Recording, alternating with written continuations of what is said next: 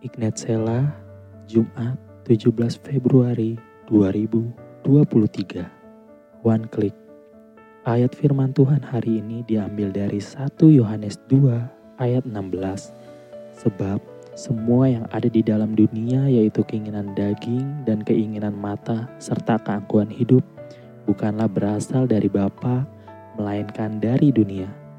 Hai Sobat Ignite, seiring dengan berkembangnya teknologi saat ini, kita sangat dimanjakan dengan berbagai penawaran menarik.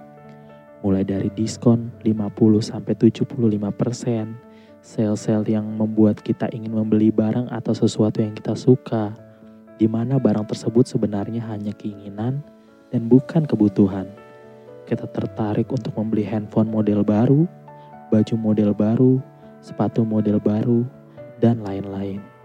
Dan tidak jarang, toko tersebut menawarkan cicilan atau bahkan saking mudahnya mendapatkan uang, pinjaman online jadi jalan untuk memperoleh barang yang kita inginkan.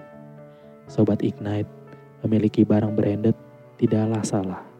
Namun, bagaimana kita mendapatkan barang tersebut, itulah yang perlu banget untuk kita pikirkan. Firman Tuhan telah mengingatkan kita bahwa ada tiga hal yang berasal dari dunia ini bukan dari Bapa, yaitu keinginan daging, keinginan mata, dan keangkuhan hidup.